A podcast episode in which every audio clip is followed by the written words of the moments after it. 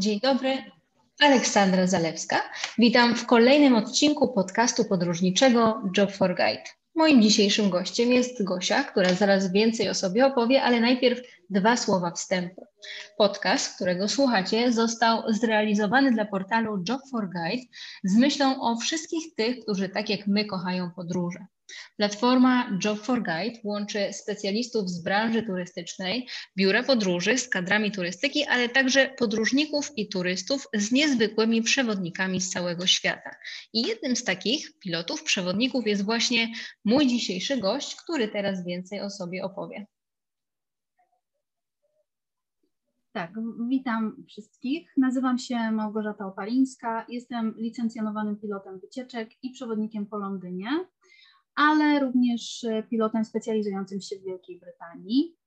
Moja przygoda z pilotażem zaczęła się w 2012 roku. Wtedy zrobiłam kurs pilotów wycieczek, uzyskałam licencję i praktycznie od razu zaczęłam e, pracę jako pilot. Początkowo były to takie jednodniowe wycieczki szkolne, e, takie w bliskich okolicach, no ale stopniowo coraz bardziej się poszerzało to moje pole działania i w rezultacie trafiłam na biuro podróży, z którym zaczęłam współpracować właśnie e, w przygotowywaniu wycieczek do Londynu, do Wielkiej Brytanii. I tak się moja przygoda z Wielką Brytanią zaczęła. Mhm. No to w takim razie rozumiem, że kurs robiłaś w Polsce. To kiedy się zdecydowałaś na przeniesienie do Wielkiej Brytanii? Kurs robiłam w Polsce a przeniosłam się do Wielkiej Brytanii w 2019 roku, ponieważ e, chciałam rozszerzyć swoją działalność również na rynek zagraniczny, to znaczy na oprowadzanie turystów w, języku angielskim. I chciałam po prostu być tutaj, na miejscu, już nie zajmować się tymi stricte pilotażowymi rzeczami, czyli dojazdem, ale samym tym takim, taką kwintesencją tej pracy, czyli właśnie oprowadzaniem grup po Londynie, ale również mm, objazdami po Wielkiej Brytanii. I to był lipiec 2019 roku. E, no ale jak wszyscy wiemy, świat się nieco zmienił w 2020 roku, więc można powiedzieć, że to się trochę spowolniło, ale nadal taki zamiar mam. Myślę, że te plany się zrealizują. Więc z takim zamiarem przyjechałam tutaj do Londynu i od lipca 2019 roku tutaj mieszkam. Mhm. No i tu też od razu wspomnijmy, że mimo tego, że może tych turystów e, na co dzień teraz za bardzo nie ma, to ty dzielisz się swoją wiedzą też na różnych kanałach internetowych, prawda? Bo ja na przykład e, śledzę uważnie Wyspę Historii na Instagramie i czytam uważnie, co tam piszesz. Mhm. Tak, zgadza się. No w pewnym momencie chciałam jednak tę pracę w turystyce kontynuować i chciałam sobie też stworzyć taką ścieżkę do tego, żeby do tej turystyki wrócić, kiedy ona już zacznie funkcjonować na nowo, żeby nie wypaść powiedzmy z tego tak zwanego obiegu. I wymyśliłam sobie, że mogę przecież opowiadać o tym samym, o czym opowiadałam wcześniej na żywo, y, poprzez YouTube i stworzyłam swój kanał na YouTubie pod tytułem Wyspa Historii y, i realizuję swoją pasję do turystyki w pewien sposób, no bo czuję się tak, jakbym trochę oprowadzała grupy, a z drugiej strony też y, taką moją pasję do historii, więc myślę, że udało mi się to jakoś zgrabnie połączyć. Przyjemne z pożytecznym. Przyjemne z pożytecznym, naprawdę sprawia mi to ogromną przyjemność, bo też na przyszłość jest to dla mnie taka inwestycja. Wiadomo, że tę wiedzę, którą teraz uzyskuję, będę mogła w przyszłości wykorzystać z grupami, więc absolutnie nie jest dla mnie to stratą czasu, tylko wręcz przeciwnie. Mhm, pewnie. E, ale zawsze o to pytam moich gości, bo jednak e, no, wszyscy związani z branżą turystyczną mamy zawsze takie ogromne parcie na podróżowanie. E, więc Gosiu, gdybyś mogła powiedzieć, czy udało Ci się może policzyć, ile krajów odwiedziłaś, czy jednak jesteś mocno zafiksowana na te anglosaskie klimaty? Absolutnie nie, ponieważ kiedy zaczęłam się w ogóle zajmować pilotażem, to moim celem było podróżowanie. Jeszcze wtedy w ogóle nie wiedziałam, że Wielka Brytania będzie takim y, krajem docelowym, powiedzmy takim głównym moim punktem zainteresowań, więc ja kocham podróżowanie już od dziecka. Policzyłam sobie te kraje. Na razie nie jest to w porównaniu z innymi osobami, których podcasty słyszałam, może jakaś imponująca liczba, bo naliczyłam 25 krajów i póki co są to kraje europejskie, ale mam nadzieję, że wkrótce się to zmieni bo myślę, że nie warto już odkładać tych podróży wymarzonych na później, tylko jeśli tylko będzie taka możliwość, to trzeba od razu ruszać, bo właśnie zobaczyliśmy, że, że wszystko się może zdarzyć, nie ma sensu odkładać niczego na później. Także 25, ale z takim znakiem i, i z taką nadzieją na zwiększenie tej liczby, jak najbardziej. Pewnie, pewnie, jasne.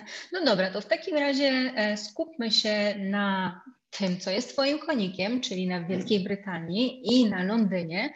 E, więc gdybyś mogła nam coś więcej powiedzieć o, o tej destynacji, tak naprawdę, e, no bo tak, Londyn sam w sobie myślę, że jest na tyle fascynujący i Ty o tym wiesz najlepiej, E, że trzeba sporo czasu przeznaczyć na jego zwiedzanie. Więc gdybyś ty jako ekspert miała teraz powiedzieć, ile czasu przeznaczyć właśnie na Londyn, a może i na Anglię e, i co takiego warto byłoby zobaczyć, to na pewno nasi słuchacze będą zainteresowani.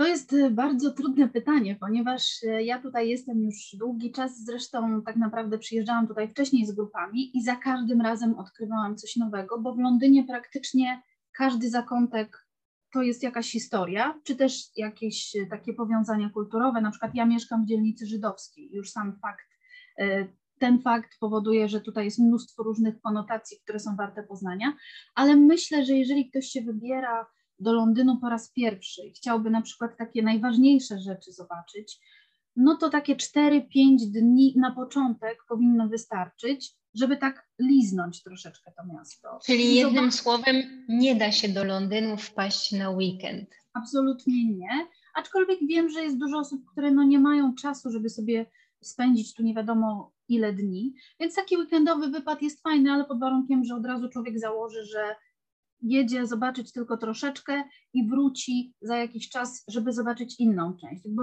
weekend to jest zdecydowanie za mało. Oczywiście zdąży się zobaczyć te najważniejsze zabytki, wiadomo, te, te, te królewskie wszystkie miejsca, Pałac Buckingham, Plac Trafalgar, zdąży się być może pójść na zakupy na Oxford Street, ale na przykład jest mnóstwo takich miejsc, które są na drugim, trzecim planie i często programy wycieczek w ogóle ich nie obejmują z racji braku czasu. Także myślę, że warto, jeżeli już ktoś ma mało czasu, to sobie ten Londyn podzielić na takie fragmenty i do niego wracać, a to jest takie miasto, do którego naprawdę warto wracać. Także nawet jeżeli ktoś przyjeżdża na weekend, to musi się przygotować na to, że będzie chciał do Londynu wrócić, mam nadzieję. Przynajmniej tak no dobrze, to pokazywać turystom. To to poradź nam w takim razie, jeżeli już by udało nam się wygospodarować te 4-5 dni, to co oprócz Pałacu Buckingham, Big Bena, e, London Eye, bo pewnie też o tym każdy gdzieś tam widział, słyszał, co jeszcze? No i oczywiście e, muzea, mhm. prawda? Co warto zobaczyć? No, mm, ja bardzo lubię okolice w ogóle nad Tamizą, szczególnie południowy brzeg Tamizy, to jest dzielnica Southwark która kiedyś była taką dzielnicą czerwonych latarni, ponieważ w samym Londynie nie wolno było takich przybytków, rozpusty różnych lokować, więc wszystko to znajdowało się właśnie w dzielnicy Sadek, więc to jest taka trochę ciemna, taka trochę niegrzeczna, taka trochę y, takie wąskie uliczki, różne niesamowicie klimatyczne, więc naprawdę miejsce niesamowicie fajne i warte zobaczenia, zwłaszcza, że znajduje się tam między innymi wspaniały market z jedzeniem, Borough Market, chyba największy tutaj w Londynie i taki bardzo kultowy, gdzie można naprawdę wszystkiego spróbować i wszystko zobaczyć, jeśli chodzi o, o kwestie kulinarne. A to jest również moja druga pasja, więc jakby e, miejsce niesamowicie dla mnie interesujące. Na przykład e, Camden Market i Camden Town, takie pankowe miejsce, gdzie można kupić różne dziwne rzeczy, jakieś mm, skórzane, lateksowe ubrania, można się wytatuować, wykolczykować, posłuchać jakiejś alternatywnej muzyki, usiąść sobie nad kanałem i, i po prostu wtopić się w ten tłum, który tam przechodzi. Miejsce, w którym zresztą swoją karierę zaczynała Amy Winehouse, więc takie powiedziałabym też kultowe. Ale na przykład londyńskie parki. Jest taki park Richmond Park, on się znajduje na obrzeżach Londynu, w południowej części, gdzie Daniele sobie chodzą na wolności, gdzie można sobie po prostu usiąść i poczuć się, jakby człowiek w ogóle nie był w dużym mieście, tylko jakiejś dziczy. Więc y, takie niesamowicie różne oblicza tego miasta to jest to, co mnie najbardziej fascynuje. I właśnie dlatego warto sobie tak więcej czasu zagospodarować, żeby móc właśnie te inne, takie może nie, nie najbardziej turystyczne i nie najbardziej znane miejsca w Londynie zobaczyć. No, myślę, że tak. Jeszcze okolice na przykład właśnie tego Richmond Parku, To jest taki również królewski pałac, ale mniej znany. Nazywa się Hampton Court i sama jego lokalizacja nad Tamizem jest po prostu absolutnie niesamowita. Można się bardzo wyluzować, zrelaksować. Także mnóstwo, mnóstwo pięknych miejsc można by wymieniać godzinami. Mhm. No dobra, to w takim razie, mm, jeżeli ktoś ma więcej czasu i rzeczywiście przyjedzie już do tego Londynu, to pomyśli sobie, a no to jeszcze może mm, ten tydzień dłużej tam spędzę. Gdzie jeszcze poza Londynem warto by było podjechać, polecieć e, i co zobaczyć? No, Wielka Brytania jest pełna takich miejsc, bo jest rzeczywiście niesamowicie różnorodna. Z takich najbliższych Londynowi miejsc, które ja osobiście uwielbiam, to na przykład taki rezerwat e, Seven Sisters, gdzie znajdują się klify, e, takie białe klify wpadające do morza. Jest to przepiękny spacer, niesamowicie widowiskowe e, miejsce. Można fantastyczne zdjęcia zrobić, można wspaniale odpocząć, bo to nie jest wciąż bardzo uczęszczane przez turystów miejsce. Można sobie zrobić wycieczkę do Brighton, to jest taki nadmorski kurort, który jest taką, takim Londynem, tylko że nad morzem. Tam się bardzo dużo dzieje, szczególnie w sezonie letnim, festiwale, jakieś imprezy, świetne restauracje, więc naprawdę polecam. Ale jeżeli ktoś chciałby się udać gdzieś dalej, to zdecydowanie Szkocja i Walia moim zdaniem są absolutnie fascynujące widoki, przyroda, taka, taka pustka, taka przestrzeń niesamowita, no i historia, która jest po prostu y, oszałamiająca w tych miejscach, zamki jakieś, które znajdują się tuż nad brzegiem morza, na jakichś klifowych wybrzeżach, to są po prostu takie widoki, jakby się oglądało jakiś film. Trudno czasami uwierzyć, że rzeczywiście to są realne miejsca, w których kiedyś toczyła się jakaś wspaniała historia. I z tymi wszystkimi miejscami wiążą się legendy, jakieś opowieści, takie naprawdę folklorystyczne, jakieś baśnie, więc naprawdę warto z tego Londynu się oddalić i poznać Wielką Brytanię, która jest y, naprawdę fascynującym krajem, y, a jeszcze chyba tak mi się wydaje trochę mało znanym jednak w Polsce, bo jeżeli ktoś nawet był, to był właśnie w Londynie i jeszcze wciąż ludzie nie zapuszczają się do Szkocji, czy do Irlandii, czy do Walii właśnie, czy do Kornwalii, która też jest piękna, więc Mnóstwo takich zakątków tutaj jest i warto je wszystkie moim zdaniem poznać. Mhm. No właśnie, ale czy nie wydaje Ci się, że na przykład może się to troszkę wiązać z dwoma rzeczami, przynajmniej z mojej perspektywy. Z jednej strony to jest kwestia pogody, bo wszyscy wiedzą, że no, u Was na wyspach, nie oszukujmy się, że tam słońca wiele nie ma, e, raczej jest deszczowo, e, smutno i pochmurnie, e, a druga kwestia, no to to są ceny, no bo jednak kiedy tak sobie przeliczymy e, koszty mm, tego mm, zakwaterowania, żywienia na miejscu, e, już nie mówię o jakichś tam dodatkowych atrakcjach czy zakupach, no to okazuje się, że no ten funt jednak troszeczkę tutaj hmm, boleśnie Boli. wypada. No. Tak, zgadza się. No, oczywiście Wielka Brytania przede wszystkim nie jest dla osób, które lubią taki wypoczynek leżenie na plaży i, i, po prostu popijanie drinków z palemką, to jest takie y, zdecydowanie miejsce dla ludzi, którzy lubią sobie pochodzić, lubią sobie poodkrywać różne miejsca, mają taką energię do tego, żeby rzeczywiście, nazwijmy to, zwiedzać, chociaż ja nie lubię tego słowa, ale ale zdecydowanie nie, nie wypoczynkowe y, urlopy tutaj się praktykuje. Pogoda no, jest ciężka i niestety im dalej na północ, tym z tą pogodą jest gorzej, bo nawet latem tutaj się nie ma co spodziewać jakichś upałów. Dobrze jest, jak nie pada, to już jest duży plus. Natomiast, tak jak mówię, no jeśli ktoś ma takie zacięcie turystyczne, czyli przyjeżdża tutaj, żeby coś zobaczyć, coś odkryć, to myślę, że ta pogoda po prostu trzeba się na nią przygotować i ona nie jest jakąś wielką przeszkodą. Może być oczywiście taką, takim czynnikiem zniechęcającym, no bo niektórzy powiedzą, no jak mam do wyboru Grecję, a Wielką Brytanię, gdzie zmoknę, zmarznę i w ogóle, no to, to czasami taka decyzja pada na te wszystkie kraje, które są bardziej przyjazne turystom. No ale za to mm, jest mnóstwo czynników takich jak choćby właśnie te widoki, te miejsca, które wszystko rekompensują, więc Pogodę jeszcze da się jakoś przezwyciężyć, chociaż to może być przygnębiające, jak człowiek jedzie na urlop i mu przez cały tydzień pada deszcz. Także tak. No tak. Ale, no, ale to, po, to powiedz mi, Mhm. W takim razie, jak to sobie cenowo, budżetowo rozsądnie zaplanować? Jeżeli chciałabym rzeczywiście się wybrać na te kilka dni do Londynu, zobaczyć te najważniejsze, najciekawsze miejsca i może jeszcze gdzieś tam wybrać się w okolice, E, jeść i spać w przyzwoitych, nazwijmy to, warunkach, czyli w jakimś takim hotelu trzygwiazdkowym, e, no mieć śniadanie, obiad, kolację. E, czy jesteś w stanie określić mniej więcej budżet na taki wyjazd?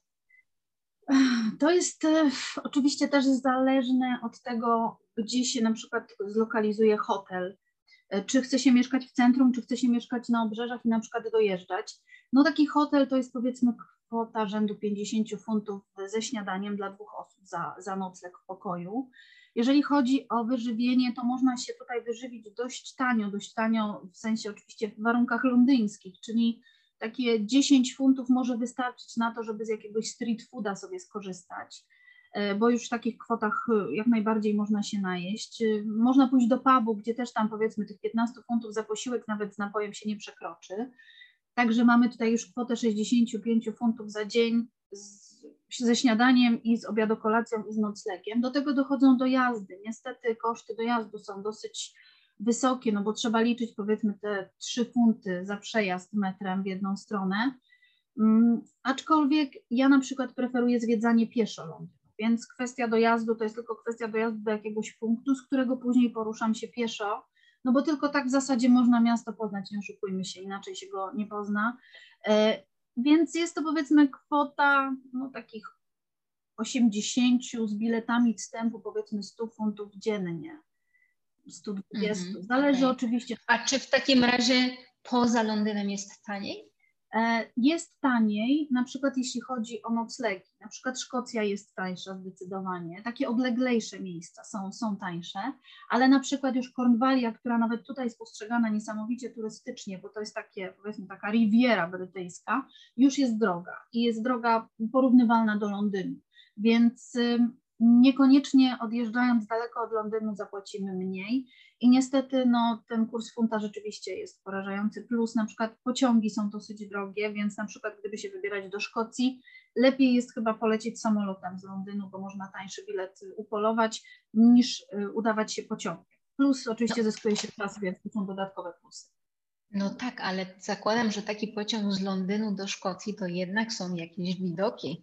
Owszem, są i to przepiękne, pod warunkiem, że się nie jedzie, tak jak ja kiedyś sobie zafundowałam taką przejażdżkę nocą, to się nie napatrzyłam się specjalnie, no ale tak. oczywiście nocny bilet jest tańszy z wiadomych względów, bo wszyscy chcą jechać w dzień. Ale tak, rzeczywiście przejeżdża się na przykład przez Lake District, to jest takie miejsce, takie po jezierze tutaj, jest mnóstwo lasów, piękna taka niesamowita przyroda, więc tak, rzeczywiście można nacieszyć oczy.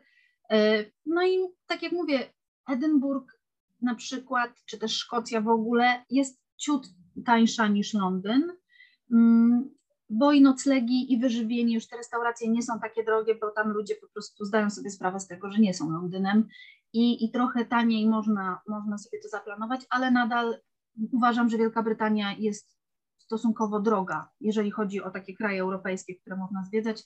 No zdecydowanie przebija cenowo na głowę wszystkie kraje te południowe, które są jednak dużo tańsze.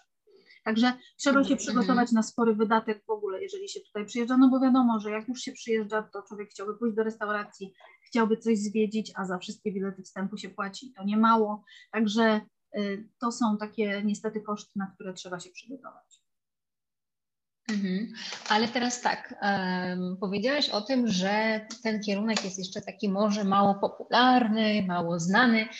Wydaje mi się, że o ile może z punktu widzenia literatury to, no nie wiem, gdzieś tam Jane Austen bardziej chyba, e, ale myślę, że e, tutaj bardzo temu kierunkowi jednak pomaga kwestia rodziny brytyjskiej i wszystkich seriali, które się w koło pojawiły.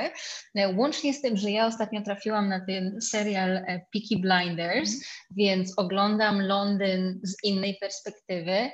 Oglądałam też The Crown, więc znowu tutaj no masa, myślę, że tych właśnie takich pocztówkowych widoków, tych wszystkich terenów zielonych, zamków i całej reszty.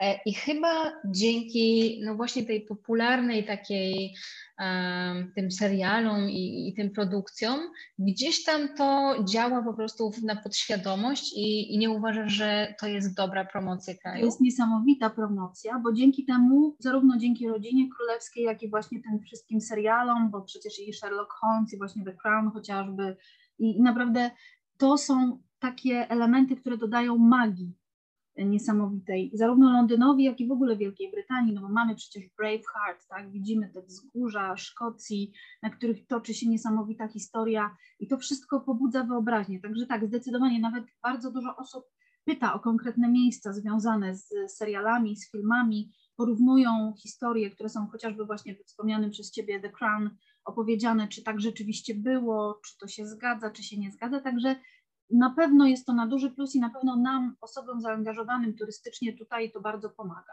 Także ja się bardzo cieszę, oglądam też te seriale, myślę, że one w ogóle są, bo nawet jeśli one trochę przekłamują historię, często tak jest, no bo wiadomo, to jest wersja filmowa, ona być ciekawa, to mhm. uważam, że chociażby przez fakt, że ludzie zaczynają się tym interesować, to już jest ogromny plus, bo jak się pobudza jakieś zainteresowanie, to ono ma taką tendencję, że chce się je rozwijać, a najlepiej rozwijać je tutaj na miejscu. Także reklama po prostu niesamowita. Także tak, rzeczywiście działa na plus. No dobra, to powiedziałaś też, że w Londynie tak naprawdę mm, no, możemy spróbować wszystkiego. Nie oszukujmy się, że jest to takie miejsce na mapie Europy, wydaje mi się, bo no i świata w ogóle, gdzie w zasadzie no chyba jesteśmy w stanie spotkać wszystkich zewsząd i każdy coś swojego do tego Londynu przywiózł. Niemniej jednak, e, jeżeli jedziemy jednak do Wielkiej Brytanii, to chcielibyśmy spróbować tych tradycyjnych, takich jakichś lokalnych dań, co oprócz fish and chips, które może nie do końca wszystkim e, przypaść do gustu, albo ewentualnie nawet jeżeli to lubią, to jednak jedzenie tego e, pięć razy e, w tygodniu hmm, mogłaby być jakaś lepsza alternatywa. Jest y, mnóstwo alternatyw, aczkolwiek niestety problem polega na tym, że kuchnia brytyjska nie ma dobrej opinii. E, mówi się, zresztą słyszałam ostatnio, nawet całkiem niedawno, pewna bardzo znana w Polsce mm, osoba związana z kulinariami, z kuchnią, e, mówiła o tym, że jak coś jest niedoprawione, to na pewno dlatego, że kucharz się uczył w Wielkiej Brytanii gotować.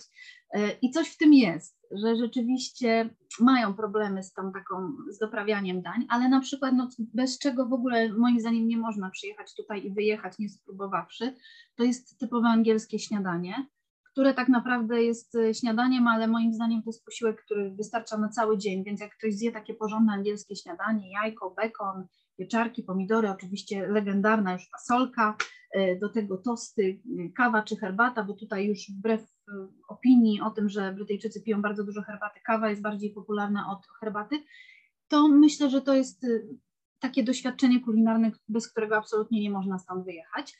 Natomiast rzeczywiście ta różnorodność powoduje, że kuchnia brytyjska w ogóle tak naprawdę jest bardzo różnorodna. I parę lat temu czytałam, że zrobiono takie badania, jakie danie jest najpopularniejsze w pubach. I to był y, chicken tikka masala, czyli. Y, Brawo. I rzeczywiście y, chicken curry było jednym z ulubionych dań królowej Wiktorii na przykład, no bo ona się otaczała Hindusami, uwielbiała w ogóle tamtą kulturę, ta kuchnia jej niesamowicie smakowała i przez to Anglicy gotują e, chicken curry jako swoje danie, mimo że oczywiście nie jest to danie w kuchni brytyjskiej typowe.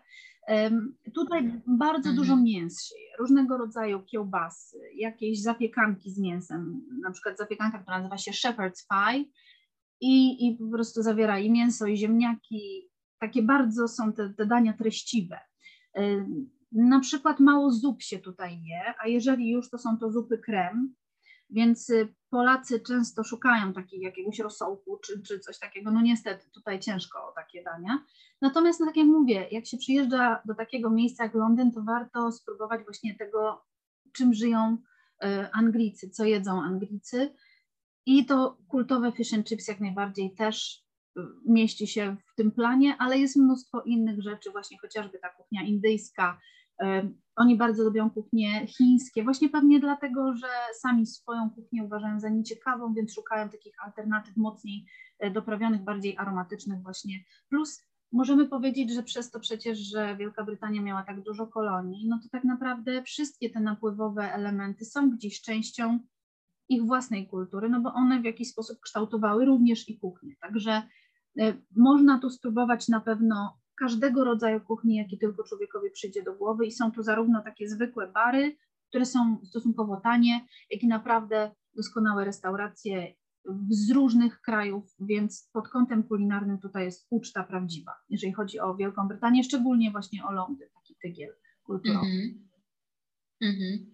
No dobra, to w takim razie już wiemy mniej więcej, co zwiedzić, co zjeść, ale powiedz w takim razie, jak wygląda w tej chwili sytuacja z punktu widzenia Polki mieszkającej w Wielkiej Brytanii, no bo nie oszukujmy się, że wszyscy od zawsze wiedzieli, że Wielka Brytania to jest taka mekka dla Polaków, gdzie wszyscy jadą właśnie, żeby zarabiać te funty, te wielkie pieniądze, e, a potem nagle się zrobił Brexit i wszystko się zaczęło sypać i ten Brexit jest, nie ma go, już chyba nikt nie wie tak naprawdę, jak to do końca wygląda. To powiedz to, jak wygląda to z Twojej perspektywy. Mm, z mojej perspektywy wygląda to tak, że praktycznie dla mnie nic się nie zmieniło.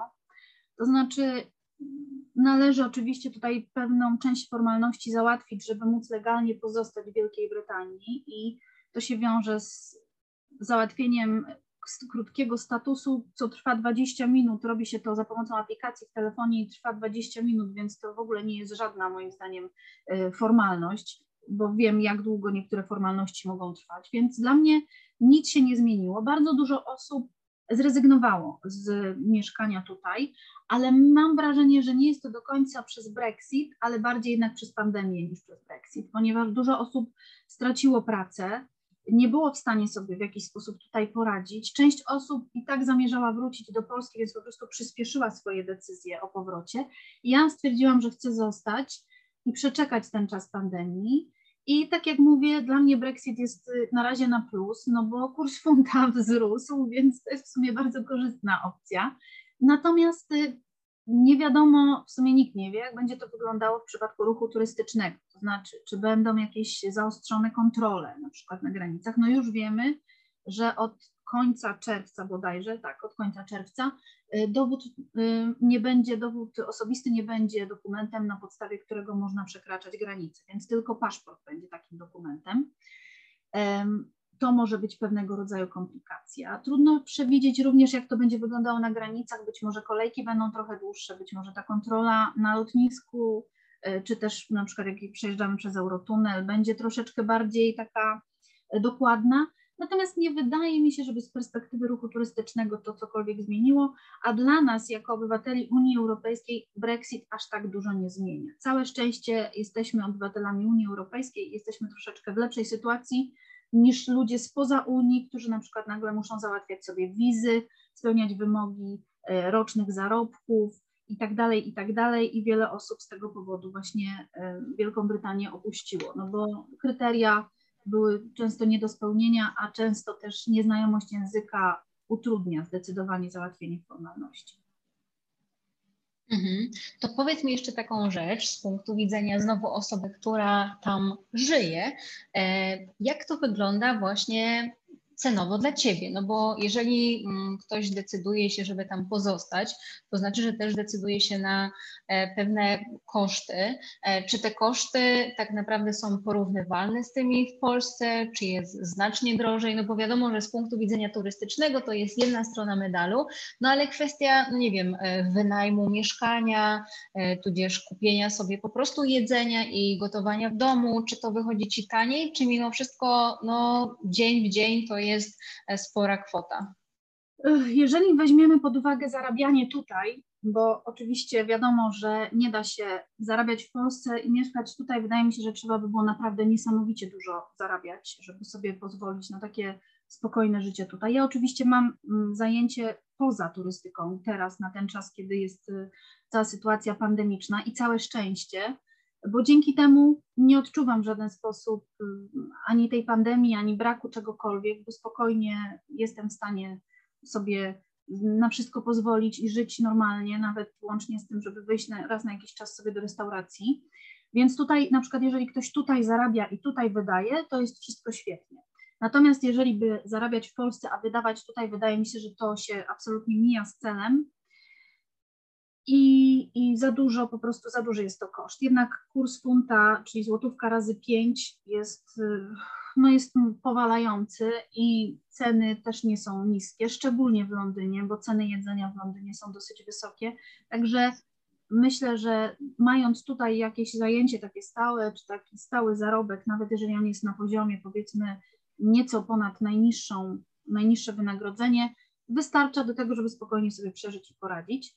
Natomiast no, też rząd bardzo dużo pomaga trzeba przyznać, że w tej sytuacji pandemicznej też tutaj było sporo zrobione, żeby ludziom pomóc, którzy na przykład pracowali tylko na część etatu albo ich praca była całkowicie zawieszona, wtedy dostawali pomoc od rządu, żeby po prostu no, nie, nie były nagle rzesze bezdomnych, którzy nie mają co jeść, nie mają gdzie mieszkać, więc sporo było w tej kwestii zrobione, no ale to zależy, jeżeli ktoś oczywiście chce bazować na takiej pomocy, to w porządku. Ja mam taką naturę, że nie lubię bazować na tym, że ktoś mi coś da, bo wiem, że jak ktoś mi coś da, to może mi też zabrać i w tym momencie będę miała problem, więc lubię sobie radzić sama.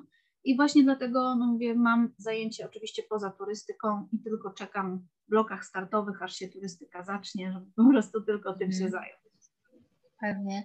No dobra, to kończąc ten blok naszej rozmowy, powiedz mi, czy uważasz, że mm, Anglia, Londyn, Wielka Brytania, czy to jest takie miejsce, które każdy powinien odwiedzić? Tak, tak, zdecydowanie tak. E, każdy powinien je odwiedzić z bardzo wielu różnych powodów. Po pierwsze, zaczynając od tego, że, że są to fantastyczne miejsca, które po prostu no, trzeba zobaczyć, bo w kanonie tych wszystkich zabytków tutaj też jest mnóstwo miejsc, które każdy człowiek w swoim życiu przynajmniej raz zobaczyć powinien, ale też e, właśnie zderzenie z takimi różnymi kulturami. To, że tutaj jest taki niesamowity miks, e, takie poczucie, że momentami człowiek wchodzi do jakiejś dzielnicy, gdzie czuje się dziwnie, bo czuje się jakby się przeniósł do Bombaju, do jakiegoś, nie wiem, Nairobi albo do Izraela, to powoduje, że, że rzeczywiście warto tutaj przyjechać, żeby to poczuć na własnej skórze, bo to jest tak, że, że tu się ma taki cały świat w pigułce i myślę, że pod tym kątem rzeczywiście Londyn jest wart odwiedzenia chociaż raz, żeby zobaczyć i wyrobić sobie własną opinię, bo jest to miasto moim zdaniem które nie pozostawia obojętnym, czyli albo się je kocha, albo się je nienawidzi za tłok, za tłum, za hałas, za pośpiech, wiadomo, jak każde duże miasto. Natomiast warto przyjechać chociażby po to, żeby sobie wyrobić własną opinię na ten temat. Pewnie. No mi się tu od razu y, przypomina książka y, w 80 dni dookoła Londynu, która myślę, że idealnie obrazuje to, co przed chwilą Dokładnie powiedziałaś. Tak Dokładnie tak jest. No dobra, Gosia, to teraz przechodzimy do tej części praktycznej, czyli chciałabym zajrzeć za kulisy pracy w turystyce, bo e, jak mówię, mamy tutaj misję jednak też w tym podcaście, żeby pokazać naszym słuchaczom, że praca w turystyce to nie są wieczne wakacje, że czasami zdarzają się sytuacje nieprzewidziane, trzeba natychmiast reagować, są różnego typu i awarie, i tragedie, więc gdybyś mogła właśnie ze swojej kariery przywołać najdziwniejszą, najstraszniejszą, najtrudniejszą sytuację, z jakimi przyszło Ci się mierzyć? Bardzo dużo takich sytuacji było i to często nie są jakieś takie straszne tragedie, ale no trzeba powiedzieć przede wszystkim o tym, że nasza praca to jest takie wyzwanie każdego dnia, czyli naprawdę możesz się nie wiem jak przygotować do tego, co będziesz robić, co, gdzie będziesz z turystami, co będziesz mówić, a i tak zawsze może zdarzyć się coś, co ci wszystko kompletnie rozłoży na łopatki i często po prostu człowiek staje przed sytuacją, z którą nigdy wcześniej nie miał do czynienia i nagle no, musi coś wymyślić, no bo wiadomo, że to jest twoja rola, musisz zadziałać, żeby jakoś tej awarii zapobiec albo ją przynajmniej zminimalizować.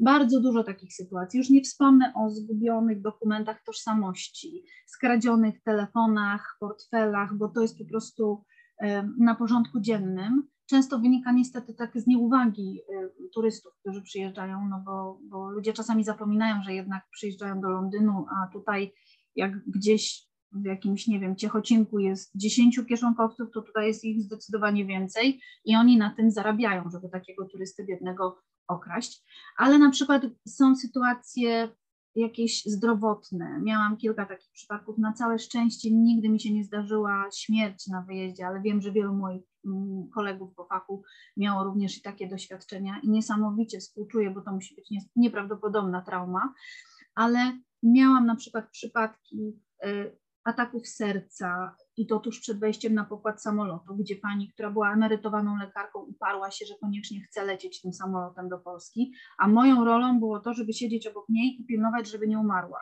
Więc to były najdłuższe dwie godziny mojego życia chyba, jak leciałam tym samolotem i po prostu bałam się, bo bałam się, co się wydarzy. No, nigdy nie byłam w takiej sytuacji. To są zupełnie rzeczy, na które się też człowiek nie jest w stanie przygotować. I ta pani po wylądowaniu oczywiście straciła przytomność i tak, i tak trafiła do szpitala, no ale postanowiła zaryzykować, no nie, nie było w stanie jej przekonać, żeby tego nie robiła, była bardzo uparta. Przypadki złamań, uszkodzeń ciała, typu na jednym z obozów w Londynie chłopiec złamał sobie nogę, co skończyło się dla niego operacją i okazało się, że zakończeniem również jego planów sportowych, bo chciał robić karierę sportową, był koszykarzem, a niestety w jeden ułamek sekundy po prostu całkowicie przekreślił wszystkie swoje plany. Jakieś sytuacje typu na przykład otwarcie awaryjne drzwi w autokarze jadącym 100 km na godzinę po autostradzie. Jeden z turystów nacisnął taki guzik i drzwi się otworzyły. Prawie wypadł z autokaru, ale został złapany przez inną uczestniczkę tego wyjazdu. I naprawdę w tym momencie wszystkim chyba życie stanęło przed oczami, bo mogło się to skończyć tragicznie. E, a najgorsze chyba z tej całej sytuacji był fakt, że ten pan zupełnie nie poczuł się nawet do tego, żeby podziękować za uratowanie życia, więc to było takie też mm. negatywny aspekt, ale naprawdę mnóstwo, mnóstwo, takie drobne sytuacje, typu panie wsiadające na przykład do autokaru, nie tego, którym jechały, czyli nie do naszego, tylko zdarzyło się, że turystki pomyliły autokar i na stacji benzynowej wsiadły do innego autokaru i zrobiły karczemną awanturę kierowcy, że ich miejsce jest zajęte. I bardzo dużo czasu zajęło nam wytłumaczenie im, że to nie jest ten autokar. Także, także i takie historie się zdarzają.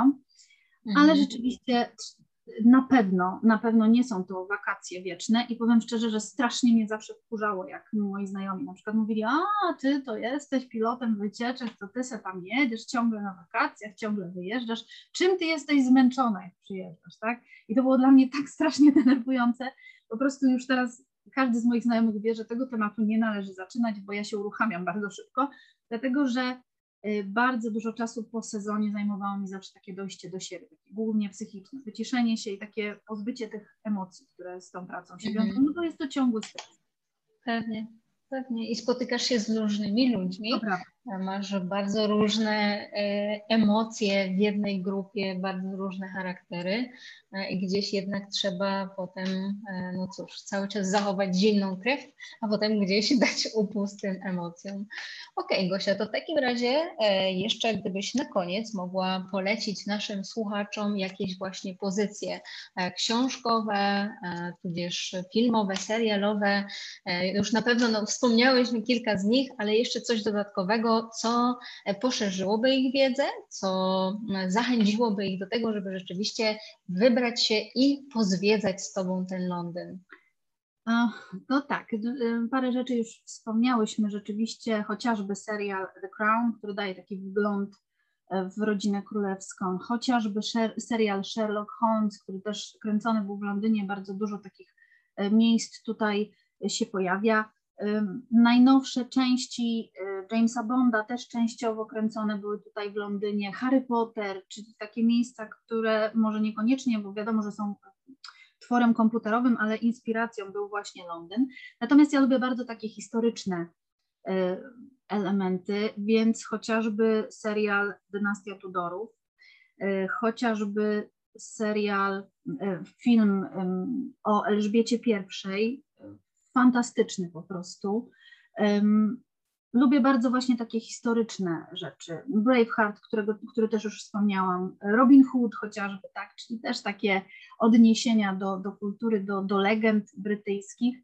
Um, tak, zdecydowanie to mogłabym polecić. A jeżeli ktoś chce zobaczyć w ogóle, jak to wygląda z różnych perspektyw, w różnych, e, w różnych opowiadaniach w różnych aspektach, to bardzo polecam jednak e, skorzystać z YouTube'a, który jest e, kopalnią niesamowitych podróżników i ludzi, którzy robią fantastyczne programy turystyczne, nie tylko o Wielkiej Brytanii, o Londynie, ale o całym świecie, bo naprawdę ja, jako osoba, która nie korzysta z telewizji w ogóle, od wielu, wielu lat nie mam telewizora, właśnie przestawiłam się ostatnio w bardzo dużej mierze chociażby na YouTube, gdzie jest mnóstwo ludzi, którzy z podróżowania żyją i zrobili z tego prawdziwą sztukę. Także zawsze, zawsze to polecam, ale polecam właśnie uderzyć w takie historyczne y, nuty, jeżeli chodzi o historię Wielkiej Brytanii, Anglii, Londynu, bo to są bardzo ciekawe, bardzo ciekawe historie. No ostatnio natknęłam się jeszcze na film Anna Królowa Szkotów. Maria, Maria, tak. o Marii, tak? Maria Królowa Szkotów, przepraszam. Tak. I jeszcze był ten film, mm, premiera, ojejku, to już z pięć lat temu było właśnie e, mm, Powiernik Królowej, czy jakoś tak, tak. właśnie o tych wszystkich um, takich e, indo, e, muzułmańsko, e, różnych właśnie tak. kwestiach. Mhm. Tak, bardzo, bardzo fajnie pokazany jest. Co prawda troszeczkę ten film też, tak jak mówię, no nie można z filmów czerpać wiedzy historycznej, więc zawsze trzeba to troszeczkę odciąć, ale pokazuje właśnie tą taką przyjaźń pomiędzy Munshim, czyli tym służącym królowej Wiktorii, a nią właśnie, e, który był zresztą jej nauczycielem, więc tak, mnóstwo, mnóstwo można zobaczyć i właśnie poczuć też taki klimat, chociażby oglądając y, seriale na, czy też filmy na podstawie książek Jane Austen. Ja uwielbiam Dumę i Uprzedzenie, ale taką wersję BBC, y, która została zrealizowana w formie serialowej. Y, Colin Firth, jeszcze młody wówczas, gra pana Darcy'ego, więc to jest mm, podwójny plus oglądania tego. ten serial daje taki niesamowity klimat. Można się wczuć w taki klimat takiej angielskiej wsi, bardzo fajnie przenieść się w czasie i też się tak zrelaksować, troszeczkę zapomnieć o tym, co nas otacza, bo naprawdę to jest jak wejście w zupełnie inny świat. Pewnie. A Gosia, a jeszcze tak podchwytliwie Cię zapytam, a kim Ty byś była, jakbyś nie pracowała w turystyce?